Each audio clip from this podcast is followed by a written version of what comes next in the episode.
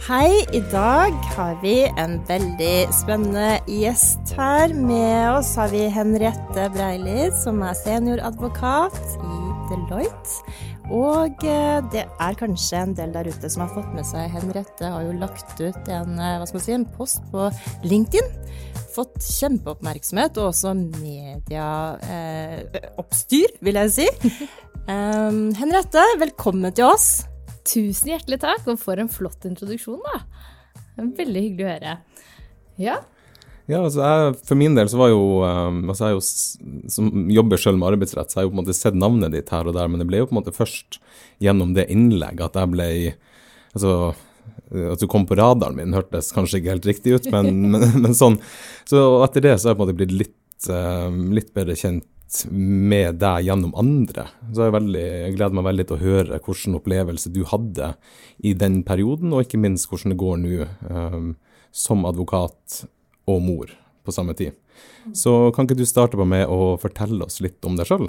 Jo, takk. Um, yes, Henriette Breili, senioradvokat og jobber med arbeidsrett. Så der har du det litt formelle. Men på det personlige plan så vil jeg jo si at uh, livet mitt uh, tok en litt annen uh, skal jeg si, endring under pandemien, hvor vi bare kjørte på med alle koronaklisjeene. Vi skaffet oss først en valp, og så kjøpte vi oss et hus, og så fikk vi baby. Så alt skjedde på ett år. Så ja, det har vært eh, travelt og gøy, og ja, vi kaller oss for Gjengen allianse og har det veldig bra. mm. Så bra. Og, og hva, hvordan var din vei inn på på jusstudiet, da? Så hvorfor havna du der? Det var litt tilfeldig. Jeg um, hadde jo rettslære på videregående og syntes jo det var veldig spennende. Men så hadde jeg hørt rykter om at Kina skulle bli den nye supermakten. Og var interessert i Asia-studier. Men litt eh, etter mye om og men, og så litt på karaktersnittene og hva som skulle til for å komme inn der, kontra jussen. Og så tenkte jeg nei, jeg bare slenger inn en søknad på jussen. Og så kom jeg inn. Og eh, da var det gjort. Det var eh, Selv om jussen til dels er veldig teoretisk og kanskje veldig kjedelig til tider, så hadde jeg et år eh, i JURK, altså Juridisk råd for kvinner, hvor jeg virkelig så verdien av å drive med juss. Og det var jo også det som ga mersmak på advokatyrket, eh, ved at man eh, hadde kontakt med klienter. Eh, man så hvor heldig man var, at man Én ting er å ha rett, men det hjelper jo ikke det hvis man ikke vet hvordan man skal få rett, og veien frem. Og um, det å kunne altså, rett og slett hjelpe mennesker å bruke jussen som et nyttig verktøy. Så det var også egentlig veien inn til advokatyrket. Men eh, tilbake til denne LinkedIn-posten din. Ja. Eh, hva kan du fortelle de som ikke vet, da? Hva, hva var det for noe? Det, det var, jeg hadde, var seks uker etter jeg hadde født. Og eh, satt med en sånn følelse av at jeg var så veldig takknemlig. Jeg var så takknemlig over systemet og ikke minst arbeidsgiver. Jeg hadde fått masse hyggelige gratulasjoner fra kollegaer. Jeg hadde fått, uh, blitt oppringt av coachen min og hørte hvordan det gikk. Og hadde en permisjonsfadder som fulgte meg opp og lurte på hvordan går det. Og jeg var bare veldig takknemlig eh, over den oppfølgingen jeg hadde fått. Og i tillegg så var det egentlig en sånn liten side note til eh, de der ute at nå kommer de ikke til å høre fra meg på LinkedIn på en god stund, for nå er jeg pappaperm. Nei, mammaperm. Begge deler, si. Begge deler, si. Så var, det var egentlig det som var tanken, å si sånn hei, nå er jeg rett og slett i mammaperm, ikke tilgjengelig, men også en liten shout-out til arbeidsgiveren min, som har virkelig gjort en fantastisk jobb med å tilrettelegge for meg. Mm, for vi, det har jo vært um, altså Den siste tida så hadde vi jo diskutert og debattert mye om uh, foreldrepermisjon i advokatbransjen. Uh, vi har gjort det, vi også, i Mangfoldsutvalget. Um, så, så, sånn sett tenker jeg at det passer jo veldig fint. Altså, du, kan ikke du fortelle litt om de ordningene uh, arbeidsgiveren din har, tilbyr sine ansatte? Mm. Kanskje det kan være til inspirasjon for andre? og ja. Ja, og, og det apropos til inspirasjon for andre. Så det var én ting jeg fikk en del altså Den LinkedIn-artikkelen den ble jo sett over 125 000 ganger. Og jeg fikk over 96 kommentarer på det, og mange av kommentarene var jo nettopp for så flotte tiltak. Og så har jeg liksom kommentert det, la inn andre og tagget andre. Er dette et inspirasjon for oss? Og også fått tilbakemeldinger fra flere andre, eh, altså venninner som lurer på Oi, dette her var helt nydelig. Noen har til og med startet permisjonsopprøret på jobb. Ja, Ja, ja, ja, og Men- men virkelig så på Vi må få bedre tilrettelegging. Ja. Men hva, hva tenkte Altså, hadde du aning om at den posten kom til å bli likt og delt så mange ganger, eller hva, hva var trikset? Nei, jeg hadde ingen anelse, og det var jo litt komisk fordi lokalavisa Oslo plukket opp dette som en sak. Og jeg husker de ringte meg når jeg drev og trillet på vei hjem fra helsestasjonen, og jeg var litt sånn ja, ja. Og så sa jeg sånn nei, jeg skjønner ingenting, jeg, sa jeg, med at den ble delt så mange ganger. Og så ble det overskriften. Senioradvokat, jeg skjønner ingenting. Jo, takk for det, det var veldig treffende tittel. Nei, det er kjempeoppmerksomhet rundt det, og det betyr vel egentlig at dette her er et tema som treffer. Og eh, ikke minst som er veldig viktig. For hvordan kan man eh, beholde på ansatte eh, som for det første skal ut i permisjon, men som også skal tilbake og har en helt annen familiesituasjon? Så, mm, så Men det var litt om inspirasjon og tilbakemeldinger. Men eh, konkret hva tilretteleggingen er her hos oss i Deloitte, er jo Før jeg gikk ut i permisjon, så hadde jeg jo tilbud om eh, jordmortimer. Og eh, jeg fikk en permisjonsfadder.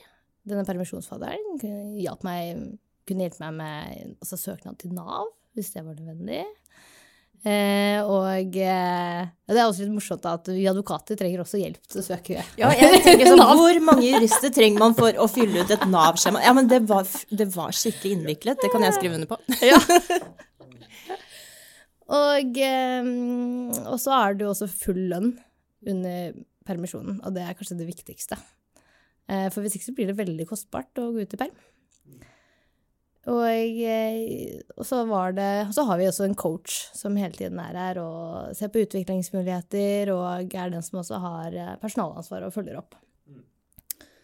Eh, og når vi har kommet tilbake, så har jeg jo fortsatt denne permisjonsfadderen. Eh, og hun har jeg fått mye glede av allerede. Eh, ved å få litt sånn konkrete tips sånn Ja, men hvordan gjør du det egentlig? Er det greit at jeg tar ammefri? Ja, det er greit. Det skal du ta. Ja, altså bare noen sånne konkrete tilbakemeldinger rundt det. Og også coach som følger opp og, og fanger deg opp på f.eks. utviklingsmuligheter. Så det er um, veldig sånn, konkrete og gode tiltak vi her, har her i Deloitte. Um, Henriette, vi har snakket litt uh, med andre gjester også i tidligere episoder, og da ble det nevnt da at man skal være ekstra fokusert på de som kommer tilbake rundt det med å gi vedkommende sant, eh, spennende, kanskje ekstra spennende oppgaver. At de mest eh, spennende går faktisk til de som er tilbake fra permisjon. Hvordan har din personlige opplevelse vært? Nå har du vært tilbake, hvor mange måneder var det? Ja, jeg begynte i oktober, så jeg har jo ikke Ja. vært eh, så lenge tilbake. Em, og det er veldig interessant det du sier der. Uh, fordi jeg har jo opplevd at det har vært litt rolig. Uh, og jeg har jo kjent litt på det. Å, ja, jeg har jo også lyst til å fakturere og sette i gang. Og man kan kjenne litt på at man blir litt eh, rastløs. Uh, men plutselig, vet du, så dukker det inn saker. Så i går kveld så fikk jeg oppringning. Du, nå kommer det en sak i morgen. Nei, så gøy. Ja. Eh, og jeg også et, eh, hadde også et, egentlig et ganske ok og godt prosjekt i oktober som varte to uker. Men, eh, men man kan kjenne litt på at man, man tripper litt. Ja. Ikke sant. Det er jo ja, Hvor lenge var du borte, Henriette? Ti måneder var jeg Ti borte. måneder, ja. ja. Mm.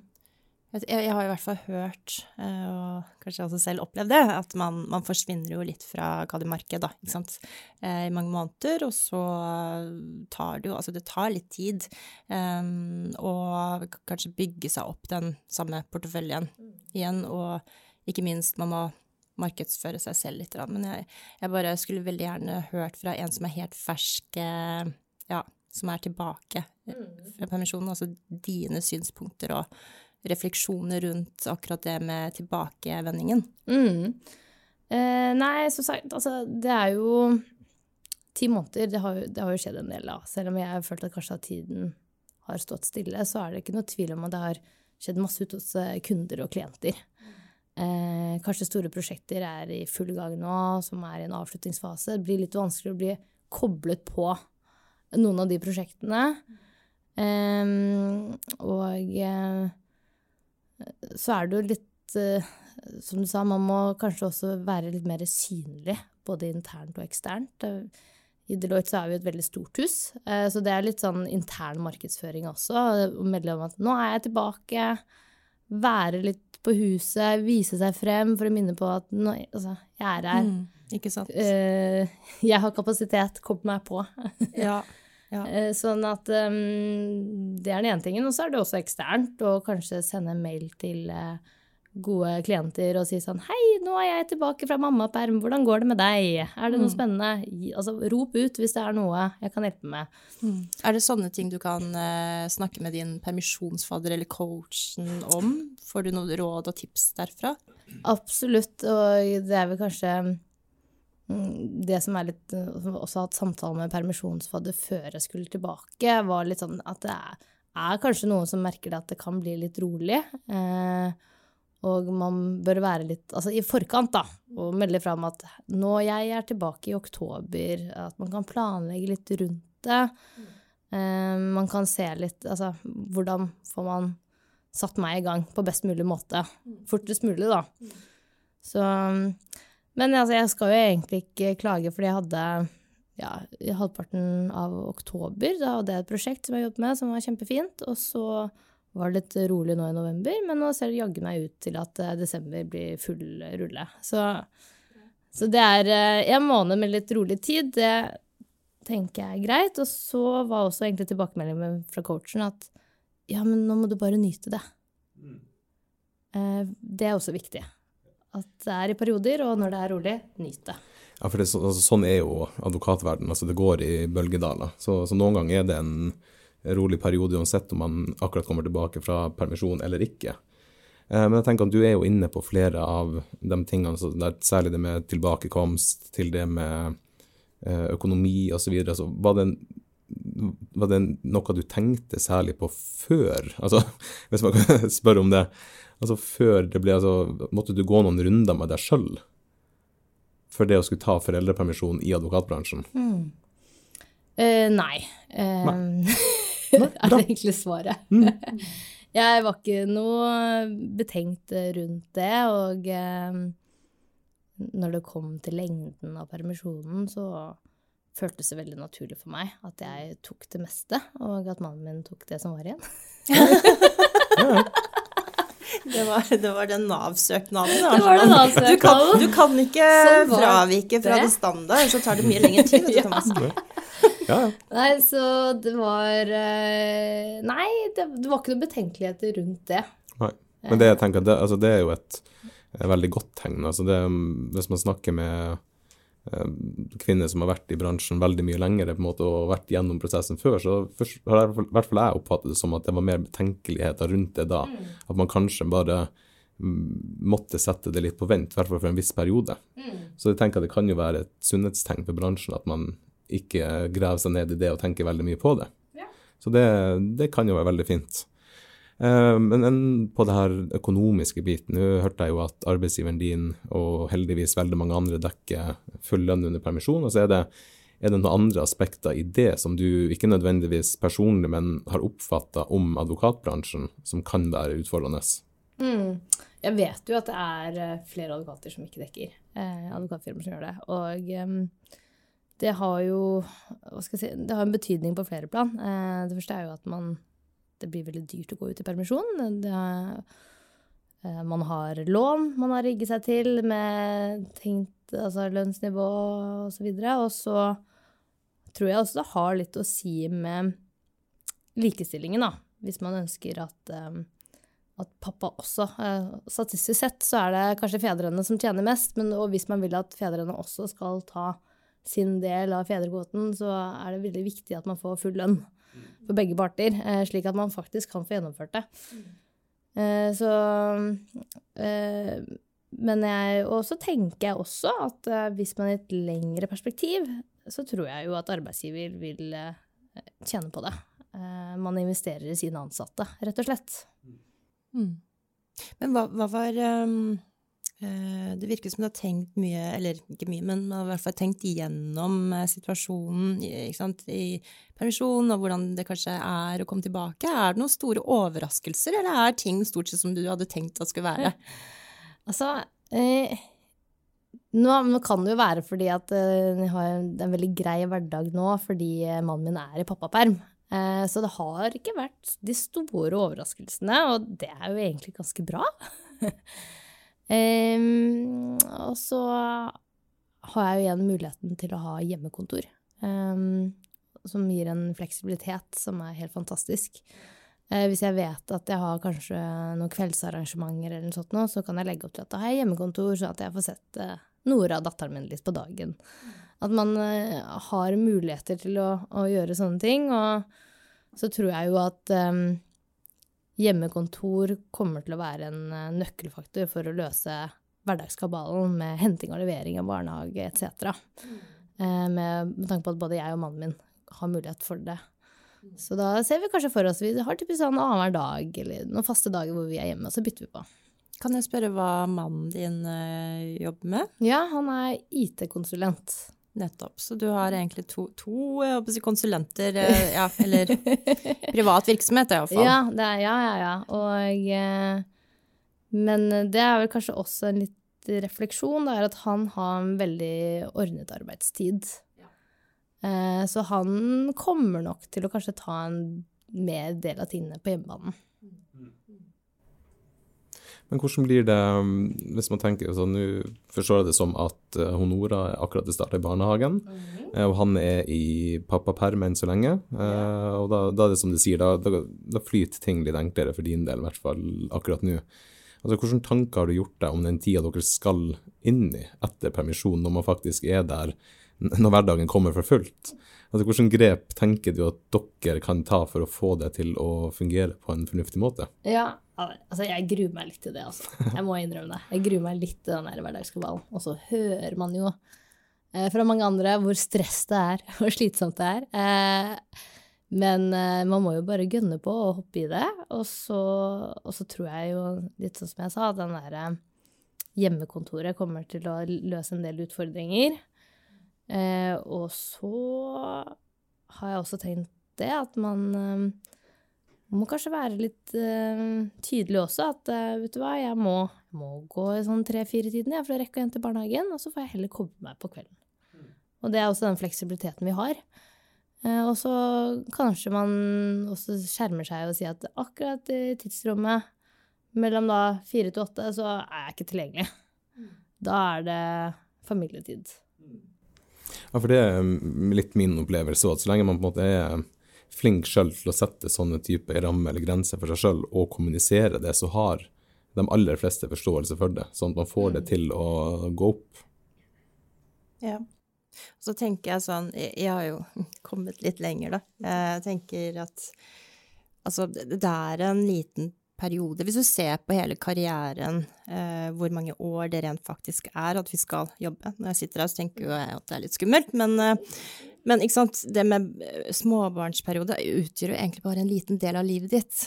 Eh, så prøv å nyte. Og så tenker jeg sånn den verste kneika eh, for min del var liksom kanskje rundt fem, seks, sju årsalderen. Oi, oi, oi. Når, eh, ja, men det går utrolig fort, ikke sant. Eh, plutselig så kjenner du Du sitter og kjenner på en sånn vemodighet fra til at barna nå begynner å bli store og kanskje ikke trenger deg i like stor grad. Og sånn er det jo.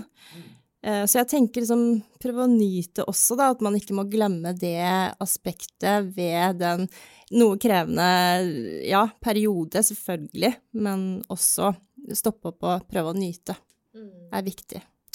Og så, og så tenker jeg da altså det er, det er, jo så mange som får det til. Og som har flere barn, sånn som deg, da. Altså, du har jo to og er partner, og du får det til. Mm. Altså det er eh, Og vi har jo også en partner i Deloitte, hun har fire barn. Men jaggu meg fått det til, hun òg.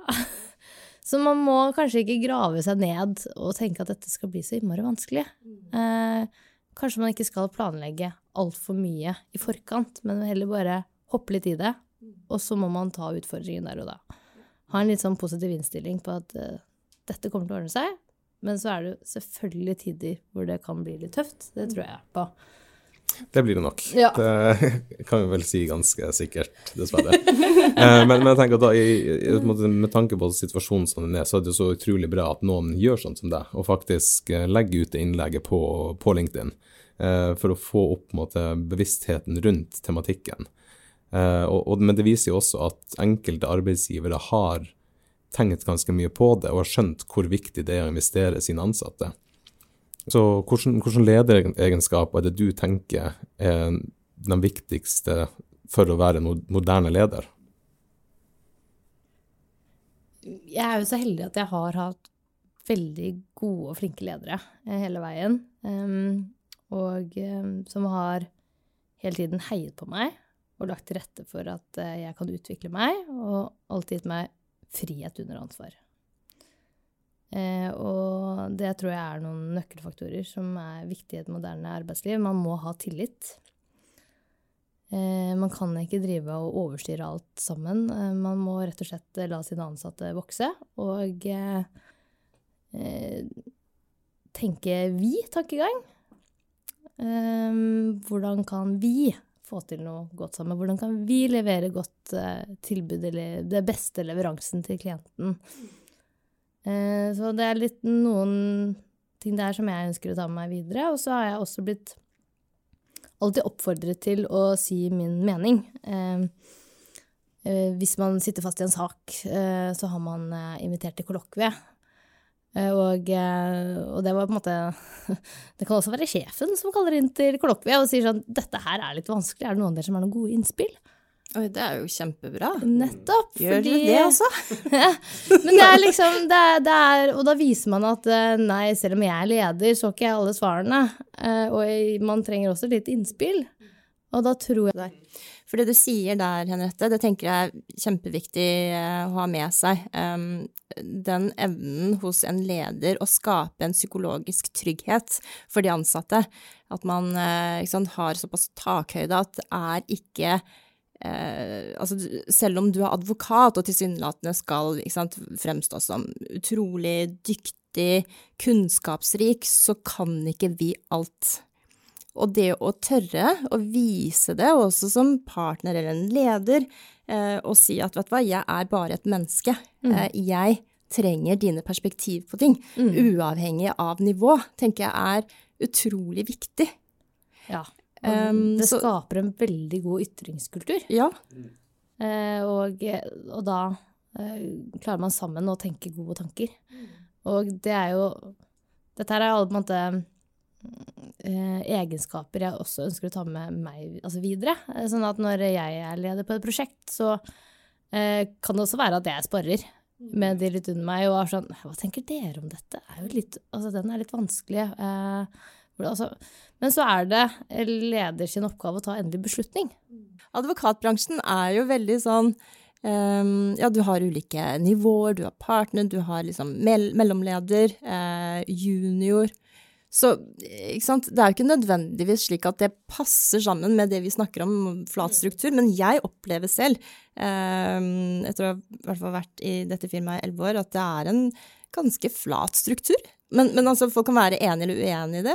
Jeg vet ikke hva du tenker om det, Henriette? Eh, ja. Eh, både ja og nei. Jeg tenker, Nå kommer jeg fra et lite firma eh, hvor det virkelig var flat struktur. Så det er jo selvfølgelig visse forskjeller her eh, i Deloitte, men jeg vet jo at eh, Altså, jeg føler at det er flat struktur, med, i hvert fall med de jeg jobber ganske tett med, med de som er på mitt team.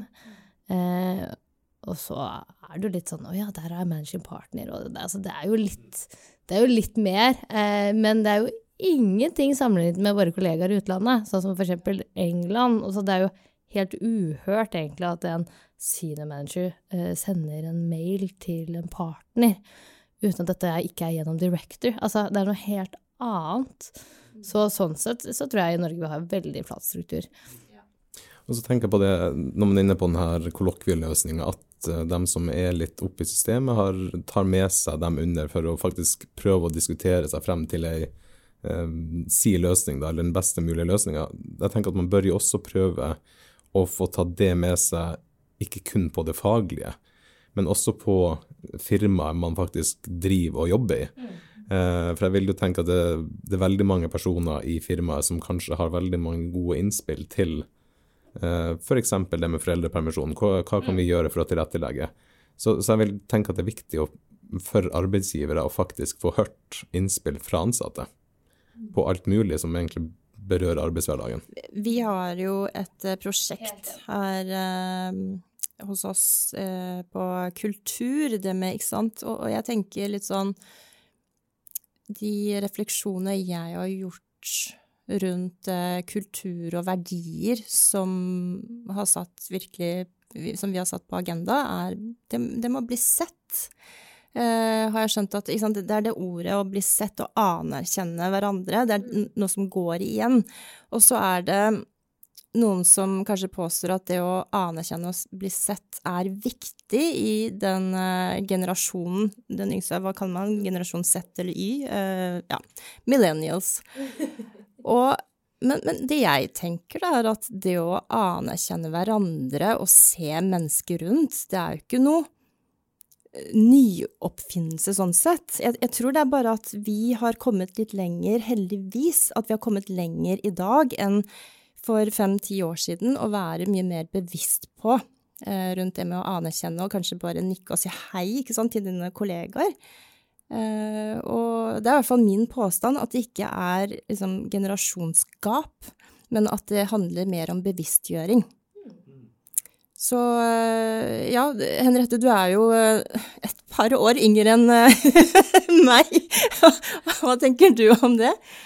Jeg tror det er kjempeviktig, og man merker det jo selv òg. Hvis man har gjort en jobb, og så Hvis man ikke hører noe, så lurer man jo litt sånn Ja, leverte jeg? Var det greit, eller hva? Altså Så det, jeg tror nok at vi er veldig på utkikk etter tilbakemeldinger. Eh, egentlig hele veien. At det er kanskje noe vi har blitt eh, enda mer opptatt av enn det som kanskje var vanlig tidligere. For jeg husker fra da, da jeg startet advokatbransjen, så var liksom oppfatningen at hvis jeg hadde levert noe til en partner, hvis jeg ikke hørte noe tilbake, så var de fornøyd. Ja. Altså da, da, var det ikke noe å tenke på, da var de veldig fornøyd med det som var levert, og så hørte man det heller hvis de ikke var så fornøyd. Ikke sant. Og på mange måter så er det altså det er ordning det også, men jeg tenker at da, da, skal det så veldig lite til for å ta den telefonen eller sende den e-posten, bare for å si takk. Ja. Altså, Tusen takk, dette er helt supert. Mm. Akkurat det jeg trengte. ja. Og så tar det, det tar så kort tid, og det kan gjøre ganske mye, særlig for dem som er ferskere i, i gamet. Um, man ser ofte i media og at er flere undersøkelser viser at um, det er en ulempe for kvinner at en så stor del av lønningen er bonusbasert i den perioden de er i foreldrepermisjon, uh, og at advokatmammaer taper lønn og karrieremuligheter. Hvordan ser du på det? Er det noe realitet eller er det bare en ubegrunna påstand? Mm. Jeg tror eh, at det kan være en realitet for veldig mange.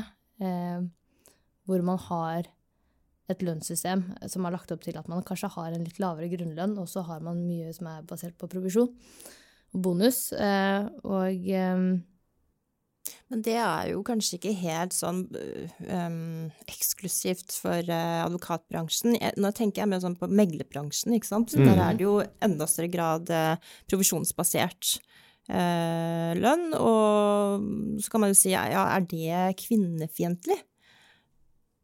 Mm. Og det er en spennende påstand. Um, om lønnssystemet i seg selv er faktisk indirekte diskriminering. Mm. Ja.